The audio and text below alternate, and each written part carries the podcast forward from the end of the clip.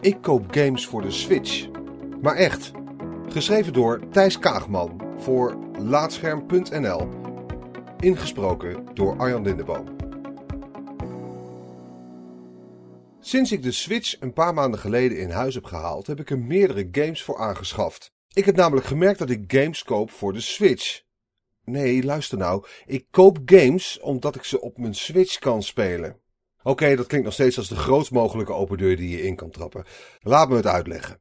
Floris heeft de Nintendo Switch bij de lancering van Laatscherm al eens vergeleken met een puntzak Vlaamse friet. Ik raad je van harte aan het artikel te lezen of te luisteren, mocht je dat nog niet gedaan hebben.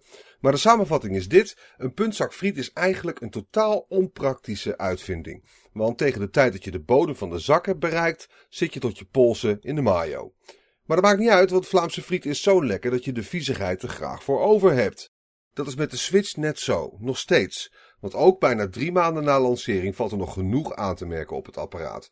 De online functionaliteiten zijn nagenoeg afwezig, als u überhaupt verbonden blijft met je wifi. De vriendenlijst is onduidelijk en vooralsnog redelijk nutteloos. De beperkte ingebouwde opslag begint voor sommigen nu al een probleem te worden. En save games kunnen nog steeds niet in de cloud. Puur plezier. Maakt dat uit? Niet echt, want de Switch is gewoon heel erg leuk om mee te spelen. Een ander woord kan ik er niet voor bedenken. Of ik nu The Legend of Zelda Breath of the Wild speel in bed of een potje Mario Kart doe tijdens de vrijdagmiddagborrel op kantoor, het is puur plezier. Dat brengt me weer op het punt van dit verhaal. Ik koop games voor mijn Switch. De line-up voor de console is tot nu toe vrij beperkt. Naast toppers als Zelda en Mario Kart zijn er slechts een handjevol e-shop titels die de moeite waard zijn. Die heb ik dan ook vrijwel allemaal gekocht. Niet omdat die games mij nou zo aanspreken, maar omdat ik zoveel mogelijk gebruik wil maken van het apparaat waar ik ze op speel. Het ultieme voorbeeld hiervan is Minecraft. Ik heb Minecraft ooit in zijn vroegste alpha-versie gekocht. Toen betaalde je er nog maar 5 euro voor, want de game was verre vanaf en bood in feite niets meer dan de mogelijkheid blokjes neer te zetten en weer weg te halen.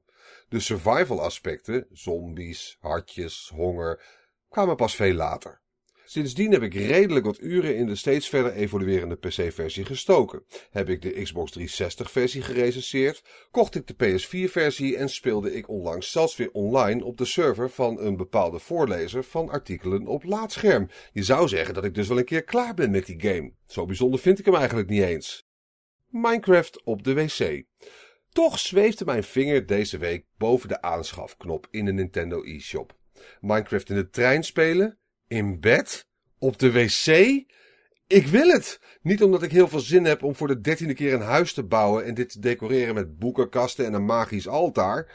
Maar het is het perfecte excuus om een Switch weer eens te pas en te onpas tevoorschijn te trekken.